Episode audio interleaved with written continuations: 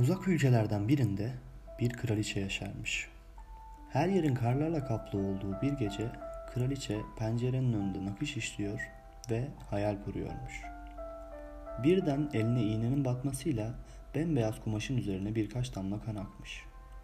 Kraliçe bir kızım olursa beyaz tenli, yanakları elma gibi kırmızı, saçları da kömür karası gibi simsiyah olsun demiş. Aradan aylar geçmiş. Kraliçe dünyaya bir kız çocuğu getirmiş.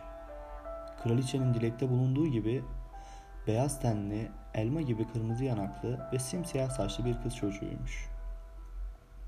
Ona Pamuk Prenses adını vermişler. Fakat kraliçe doğum yaptıktan birkaç saat sonra ölmüş. Aradan aylar geçmiş. Kral tekrar evlenmiş. Evlendiği kraliçe çok güzelmiş. Fakat kendinden güzelini görmek istemeyen ve buna asla tahammül edemeyen kibirli biriymiş. Her gün odasındaki aynanın karşısına geçer, ayna ayna söyle bana benden daha güzeli var mı bu dünyada diye sorar. Ayna da ona sizsiniz kraliçem diye cevap verirmiş. Yıllar geçmiş, Pamuk Prenses 14 yaşına gelmiş. Kraliçe yine günlerden bir gün aynanın karşısına geçip ayna ayna söyle bana benden daha güzeli var mı bu dünyada diye sorunca ayna kraliçeye kraliçem güzel olmasına güzelsiniz ama Pamuk Prenses sizden daha güzel diye cevap vermiş. Kraliçe öfkeden deliye dönmüş. Günlerce yemek yiyememiş, uyku uyuyamamış. Sarayın avcısını çağırıp ona Pamuk Prensesi ormana götürüp orada öldür. Kanıt olarak da bana kalbini söküp getir diye emretmiş. Avcıya kraliçenin bu isteği akıllıca gelmemiş. Böyle bir şeyi nasıl yapabilirim? Ama kraliçenin emrine karşı gelemem diye düşünmüş. Avcı Pamuk Prensesi alıp ormana götürmüş. Bıçağını çıkartmış. Pamuk Prenses'in avcının niyetini anlayıp ağlamaya başlayınca avcı da ona kıyamayıp öldürmekten vazgeçmiş. Pamuk Prenses koşarak ağaçların arasında gözden kaybolmuş. Avcı bir hayvan avlayarak onun kalbini sökmüş. Kraliçeyi ancak böyle ikna edebilirim diye düşünmüş. Akşam olunca Pamuk Prenses küçük bir evin kapısına gelmiş. Kapıyı çalmış, açan kimse olmamış. Cesaretini toplayıp içeriye girmiş. Bir masa üzerine yenmeye hazır olan yiyecekler, yedi küçük tabak, yedi küçük sandalye, duvar dibinde de yedi tane yatak olduğunu görmüş. Beklemiş ama kimseler gelmemiş. Pamuk Prenses çok aç ve yorgun olduğu için yemeklerden yemiş ve yataklardan birisine yatarak uykuya dalmış. Birkaç saat sonra evin sahipleri gelmiş. Bundan gümüş madeninde çalışan yedi tane cüceymiş. Cüceler eve girdiklerinde Pamuk Prenses'i görmüşler.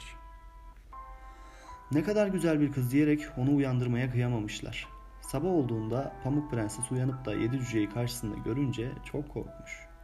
Bir süre geçtikten sonra onlardan kendisine zarar gelmeyeceğini anlayıp başından geçenleri yedi cücelere anlatmış. Yedi cüceler Pamuk Prenses'i çok sevmişler ve orada kalmasını istemişler. Yedi cüceler işe giderken Pamuk Prenses'e kapıyı kimseye açma, üvey annen senin yaşadığını öğrenirse gene öldürmeye kalkar demişler. Kraliçe günlerden bir gün yine aynanın karşısına geçmiş ve ayna ayna söyle bana benden daha güzeli var mı bu dünyada diye sormuş. Ayna kraliçeye buraların en güzeli sensin kraliçem. Lakin dağların ardında küçük bir evde bulunan Pamuk Prenses dünyalar güzeli demiş. Bunu duyan kraliçe yaşlı bir kadın kılığına girmiş ve bir sepete elma doldurup Pamuk Prenses'in bulunduğu yere gitmiş. Oraya geldiğinde kapıyı çalmış. Pamuk Prenses içeriden seslenmiş. Yaşlı bir kadın çok yorulduğunu ve orada dinlemek istediğini söyleyince iyi kalpli Pamuk Prenses kapıyı açmış. Kraliçe ona sepetteki elmalardan birini uzatmış. Pamuk Prenses zehirli elmayı ısırır ısırmaz elma boğazına takılmış ve olduğu yere düşmüş. Akşam olduğunda yedi cüceler eve geldiklerinde Pamuk Prenses'i uyandırmaya çalışmışlar. Ama bir türlü uyandıramamışlar. Pamuk Prenses'in başında günlerce ağlayıp durmuşlar. Pamuk Prenses'in öldüğünü düşünüyorlarmış ama onu gömmeye kıyamıyorlarmış.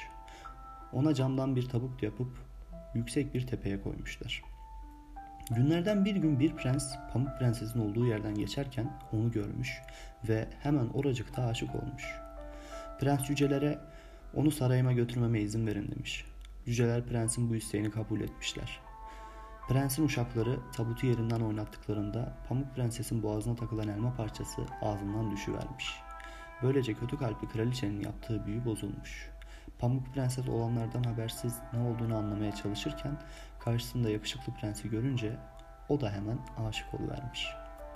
Pamuk Prenses ve prens evlenmişler ve kötü kalpli kraliçeden çok uzak ülkeler, ülkelerden birinde çok mutlu bir hayat sürmüşler.